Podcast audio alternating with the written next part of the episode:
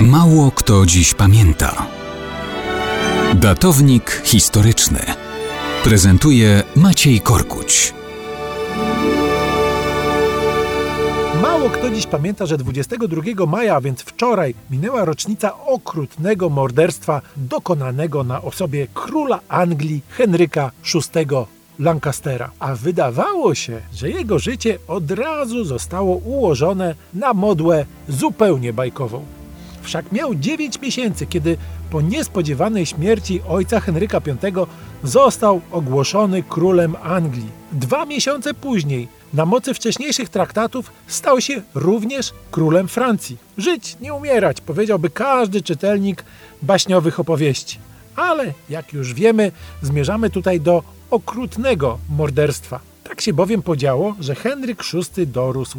Monarchą był kompletnie oderwanym od rzeczywistości. W gruncie rzeczy człowiekiem psychicznie chorym. To odezwały się geny dziadka króla Francji Karola VI. Anglia stała się widowiskiem wojny domowej. Po władzę sięga Ryszard, książę Jorku, początkowo pozorujący, że chodzi tylko o wymianę złych doradców Henryka VI.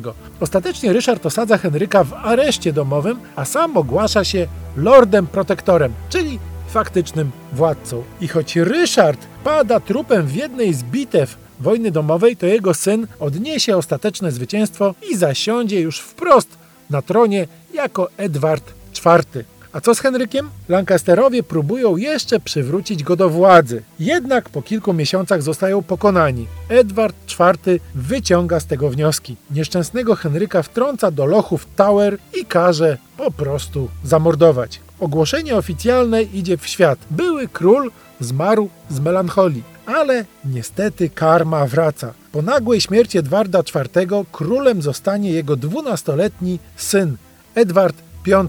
Tym razem jego opiekun chce dla siebie zagarnąć tron i doprowadza do mordu na nieletnim królu i jego młodszym, dziesięcioletnim zaledwie bracie. Wszystko dzieje się w tej samej Tower. Edward IV zabił poprzednika, aby utrwalić posiadanie tronu. Jego synów zamordowano, aby im ten tron odebrać.